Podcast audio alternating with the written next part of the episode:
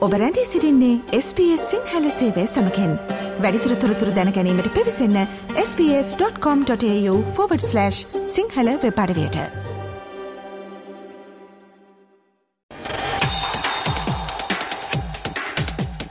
ජයපරාජය මැදින් ගලා යන සබ්දින කෙලිබිලේ උණුසුම.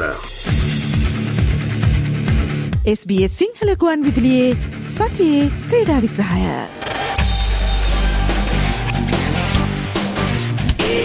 අයිබෝවන් SBS සිංහල සේවේ සතිය ක්‍රඩාවික් රහයෙන් අපි අදත් පළමුුවෙන්ම අවධානය යොමු කරන්නේ ඉන්දියාවේදී පැවැත්වෙන ලෝක කුසලාන ක්‍රිකට් තරංගාවලිය වෙතයි. ලෝක කුසලාන තරංගාවලියේ තම දෙවන ජයග්‍රහණය වාර්තා කරන්නට ශ්‍ර ලංකා පිළ ඊයේ සමත් වනා. ඒ ලෝක ශූර එංගලන්ත පිළ කඩුළු අටකින් පරාජයට පත් කරමෙන්. පළමුුව පන්දුර පහරදුන් එංගලන්ත පිළ සියලන් දැවී ලබාගත්තේ ලකුණු එකසිය පනස් හයක් පමණයි. පිළිතුරු ලෙස ශ්‍ර ලංකා පිළ පන්දුවාර විසි පහයි පන්දු හතරකදී කඩුළු හතරක් පමණක් දැවී ජයග්‍රහහි ඉලක්කය පසුකර ගියා. මෙම ජයග්‍රහණය පිළිබඳව මහිෂ්තීක්ෂණ මෙසේ අදහස් දක්වා සිටියා. අපි ඇත්තරම පලවනි හොර අතරේ පහතර පට රන්ස් යාපය ඇති මොදට ලෙන් නිස්සුනා ඇති අපිටසේ ඇන්ජය බෝල් කරන්නට පස්සේ කරයා එක්ස්පිරෙන්සි යස් කරලා ලෙන්තේ පොඩ පස්සරගන අපි දවන ඩිසිපලින් බෝල් කරන්න තිකටම ඉතින් අපි ඇන්ජය දාරල්ල අපි දක් ය සක්සස්සුනා ස්පෙල්ලක ඉට අපි ලෑර බෝල් කරදිත් කිව ම කැන ප්ලන් එක තිබේ ඩිස්පලෙන්න්න කර පුළුවන් තරම්. ගොද අපි හොඳර දැම්මත් අපි සරන් තිබ නිසා අපි හොඳර දානය කරන පස්සරයන්න ඒගොල්ලො ඒගොල කැමතිනෑ ප්‍රශයක් ගන්න. ගොල මේසම අය හතරක් ගහන්න ඉන්න. තෝට අපිට චාන්සතින විගට්ටයක්ගන්න ඒනාව ප්ලන් කර. මෙහිදී අකණ්ඩව තම සිව්වන අර්ධශතකයේ වාර්තා කළ පැතුම් නිසංක ලකුණු හැත්තෑ හතක් ලබාගත්තා. සදීර සමර වික්‍රම ලකුණු හැට පහයි. සදීර මේ වන විට ලෝක කුසලාන තරඟාවලියේ තරග පහකදී ලකුණු දෙසියානු පහක් ලබා සිටින්නේ එක් ශතකයක් සහ අර්ධ ශතක දෙකක් සමගින්. තම දක්ෂතා පිළිබඳව සදීර සමර වික්‍රම මෙසේ මාධ්‍යයට අදහස් දක්වා සිටියා. ඔව ඇත්තරම අන්තිම අවුරුද්ධම ඒ මං කරන රූටීන්ස් පැට්ටිස් කරන විදිිය මැච්චකට ලැස්තේන විදිිය දේවල් ම එකදිකට කරගෙනාවේ ඉතිං එදේවල් මං හැමවෙලාම් බැක් කරනවා. ඉතිං ඇත්තරම ඒ හාඩ්වක් එක ඉද තමයි ඉතින් මේ වගේ ඕනම තැන්වල ලහුණු ලබාගන්න පුළුවන් වෙන්නේ. ඉතිං අතරම ඕ ගොඩක් සතුට. එය අනුව ශ්‍ර ලංකා පිලා අකණ්ඩව ලෝක කුසලාන තරංගාවලි පාකදී එංගලන්ත පිළ පරාජයට පත් කරන්නට සමත් වී තිබෙනවා. මෙම තරගේ එංගලන්ත පිළේ කඩුළු තුනක් දවාගත් ලහිරු කුමාර තරගේ වීරයා ලෙස තේරී පත් වනා. පසුගේදා පැවති ඔස්ට්‍රලියයා තරගේදී අසාර්ථකවීමෙන් පසුව නැවතත් සුපුරුදු රිත්මයට ළඟාවීම පිළිබඳව ලහිරු කුමාර මෙසේ අදහස් දක්වා සිටියා. වෙනසක් කියන්නේ ලොකු දෙයක් කරේ නෑ. වෙනදාගේම හොඳට බෝල් කරා එම ඔෆ් ඩේස් වෙන්න පුළුවන්, ඔන් ඩේස් වෙන්න පුළුවන්. ඒක සාමාන්‍යයෙන් ප්ලේ කෙනෙක්ට සාමාන්‍ය දෙයක්. හොඳ දේවල් කරා මම හිතන්නේ ඒක තමයි මේ රිසල්ට් එක තියෙන්නේ. මේ අතර ඊයේ දිනේදී නැවතත් කණ්ඩායමට එක් වූ ඇන්ජලෝ මැතිව්ස් පවසන්නේ මේ ලැබුණු අවස්ථාව පිළිබඳව සතුටු වන බවයි. හම්බෙච්ච අවස්ථාව ගැන මං මං සතුටු වෙනවා මොකද මගේ හතරවෙනි පන්දුවාර 50 වර්ල්ඩ් කප් එක ඉතින් හැම අතින්ම මට පුළුවන් උපරිමයෙන්ම ක්‍රීඩා කරලා අපේ පළමු ගෝල් එක වන සෙමිෆයිනල්ස් එක දක්වා අපිට එන්න පුළුවන් අත්තකට ගේන්න තමයි මම සහ අපේ කණ්ඩායම බලාපොරොත්තු වන්නේ. ඉතින් උපරිමයෙන්ම කරන්න ලැස්සෙනවා. එමෙන්ම ඇන්ජලෝ මැතිව් සහ දුෂ්මන්ත චමීර යන ක්‍රඩකින් දෙදෙනා යළි සංචිතයට එක්වීම පිළිබඳව සතුට වන බවයි සදීර සමර වික්‍රම පවසන්නේ.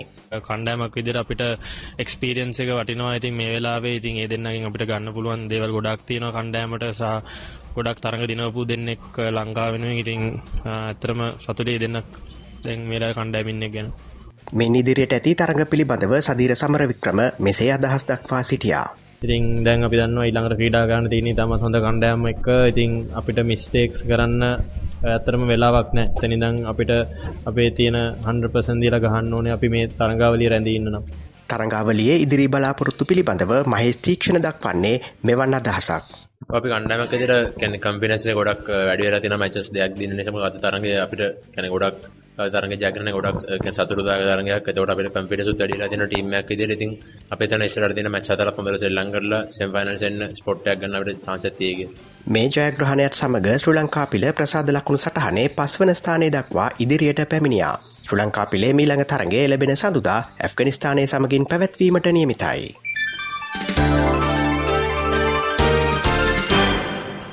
දෙදහස් විසිතුන ආසියානු පැරාක්‍රඩා උළෙල පසුගේදා චීනයේදී ආරම්භ වුණා. ඒ සඳහා මෙවර සුලංකාව නියෝජනය කරමින් ක්‍රඩක ක්‍රඩිකාවන් විසි හය දෙනෙකු ඉදිරිපත් වී සිටිනවා. තරගාවලියේ මේ දක්වා රන් පදක්කම් දෙකක් රිදී පදක්කම් දෙකක් සහ ලෝකඩ පදක්කම් දෙකක් හිමිකරගන්නට ශ්‍ර ලංකාව සමත් වී තිබෙනවා.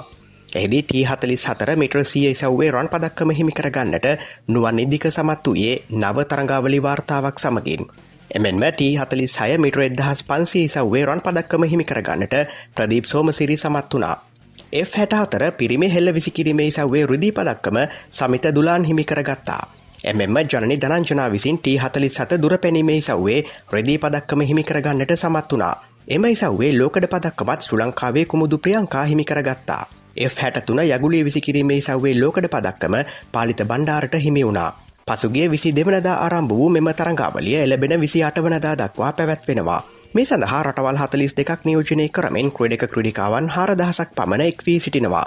තරංගාවලිය බලාපොරොත්තු පිළිබඳව සුලංකා කණ්ඩායම් නායක දිනේශ් ප්‍රියන්ත මෙසේ මාධ්‍යයට අදහස් දක්වා සිටියා. ඔව් ඇත්තටම හොඳ සූදානම ඉන්නවා මොකද අවුරුදු දෙකක් විතර කාලයක ඉඳන් තමයි ජාතික පාර්ලිමේන්තුවට මේ සංවිධානය කරේ මොකද ඉලක්ක කරගෙන. ඔය ඇත්තටම කණ්ඩායමක් හැටියට බලාපොරොත්තු අපි ගිය වසරේ 2018 වසරේ පදක්කම් 15ක් රැගෙන ආවා රම් පදක්කම් 5 ඉදි පදක්කම් 5යි ලෝකඩ පදක්කම් 5යි බලාපොරොත්තු වෙනවා මෙවර ඊට වඩා ලොකු ජයග්‍රහණ රාශියක් ලංකාවට රැගෙනීමට.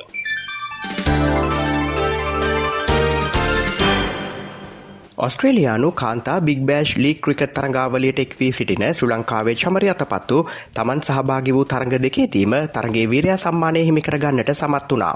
ඇය මෙවර තරඟාවලියේදී නියෝජනය කරන්නේ සිද්ධි තන්ඩ කණ්ඩායමයි. එය අනුව ඒ පැවති මෙල්බන් රෙනගේට් කණ්ඩායම සමඟ තරගේදී ඇය පන්දු පනස් හතරකදී ලකුණු අසුවක් ලබා ගත්තේ හය පහර දෙකක් සහ හතරේ පහර දහතුනක් සමගින්. එමෙන්ම පන්දු යැවීමේදී එක් කඩුල්ලක් බිඳහෙලීමටද සමත් වනා. එම තරගෙන් සිද්නි තන්ඩර්ස් කණ්ඩායම කඩුළු අටක ජොයක් හිමිකරගත්තා. එමෙන්ම සිද්නි සික්සස් පිළ සමඟ පැවති පළමු තරගේදී චමර පිත්තෙන් ලකුණු පනස් දෙකක් සහ පන්දු යැවීමේදී කඩුළු තුනක් දවාගන්නට සමත් වනා. එ අනුව මේ වන විට ඇය නියෝජනය කරන සිද්නි තන්ඩ කණ්ඩායම තරඟ දෙකදී අපරාජිතව ප්‍රසාද ලකුණු සටහනේ දෙවනස්ථානයේ සිටිනවා. මේ අතර සංචාරක බංගලාදේශ නැගියන ක්‍රිකට් කණ්ඩායම සහ ශ්‍ර ලංකා නැගියන පිළ අතර එක්දින තරංගාවලිය දෙකට එකක් ලෙස ජය ගන්නට ශ්‍ර ලංකා නැගියන පිළ සමත් වනා. එම තරංගාවලිය තරඟ තුනම දමුල්ලේදී පැවැත්වනා. ඉන් අනතුරුව දෙරට අතර තරඟ දෙකින් සමන්විත සිව්දින තරංගාවලිය ආරම්භ වූ අතර එහි පළමු තරගය මේ වන විට ක්‍රියාත්මක වනවා. එම තරගේ හෙට අවසන් වන අතර ඉන් අනතුරුව දෙවන සිව්දින තරගය එලබෙන නොවැම්බර් පලවනදා ආරම්භවීමට නියමිතයි.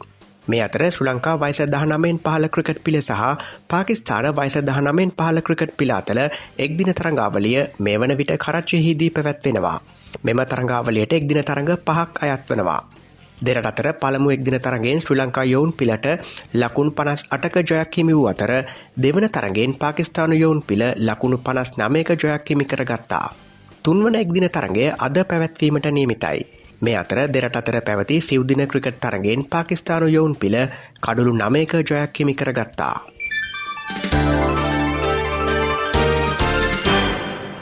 SBS සිංහල සේවේ සතිය ක්‍රීඩා විග්‍රහයෙන් අපි දැන් අවධානය යොමු කරන්නේ ඔස්ට්‍රලයානු ක්‍රීඩා පිටිය වෙතයි. ලෝක කුසලාන ක්‍රිකත් තරංගාවලියේ තම තුන්වන ජයග්‍රහණය වාර්තා කරන්නට ඔස්ට්‍රලියාව පසුගේදා සමත් වනා. නෙදර්ලන්තේ සමඟ පැවති තරගෙන් ලකුණු තුන්සිය නමයක ජයක්හිමි කරගන්නට ඔස්ට්‍රලියාව සමත් වූ අතර ඒ ලෝක කුසලාන තරංගාවලි ඉතිහාසේ කණ්ඩායමක් ලැබූ දැවන්තම ජයග්‍රහණයයි. ඔස්ට්‍රලියාව ලකුණු තුන්සියානු නමයක් ලබාගත් අතර නෙදර්ලන්තේ ලබාගත්තේ ලකුණු අනුවක් පමණයි.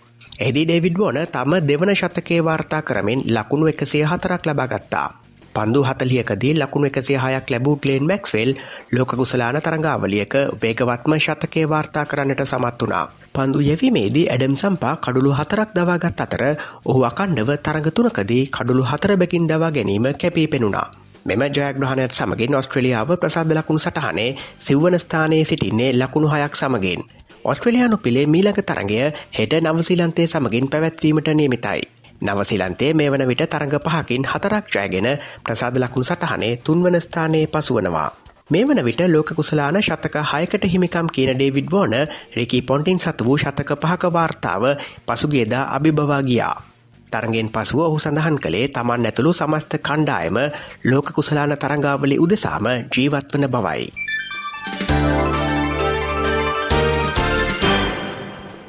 ඔස්ට්‍රේලියාව සහ නවසිලන්තය අතර පැවැත්වෙන කොන්සලේෂන් කුසලාන දැල් පඳු තරංගාවලියේ මෙවර ශුරතාව හිමිකර ගන්නට ඔස්ට්‍රේලියාව සමත් වනා.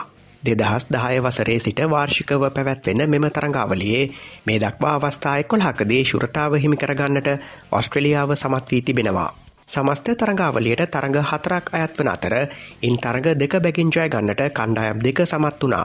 නමුත් සමස්ත ලකුණු සංඛ්‍යාව අනුව ලකුණු දෙසිය අටට එකසි අනු පහක් ලෙස ශුරතාව හිමි කරගත්තේ ඔස්ට්‍රලියාවයි. මෙවර තරංගාවලියේ පළමු තරඟ දෙක ඔස්ට්‍රලියාව ජයගත් අතර අවසන් තරඟ දෙක නවසිලන්තේ ජයගත්තා. තරංගාවල ඉතිහාසේ නවසිලන්තේ ජයගෙන තිබෙන්නේ දෙදහස් දොළහ සහ දෙදහස් විසි එක තරංගාවලි දෙක පමණයි. ඒ සමගින් SBS සිංහල සේවේ සතියේ ක්‍රඩා විග්‍රහයෙන් අදට අපි සමුගන්නවා හමුවමු ලබන සිකුරාදාත් සුපුරුදු වේලාවට. එතෙක් ප්‍රාර්ථනා කරන්නේ ජයග්‍රාහී සතියක්. ජයපරාජය මැදින් ගලා යන සද්දින කෙලිබිලේ උණුසුම. SBS සිංහලකුවන් විදිලියේ සතියේ ක්‍රීඩා විග්‍රහය.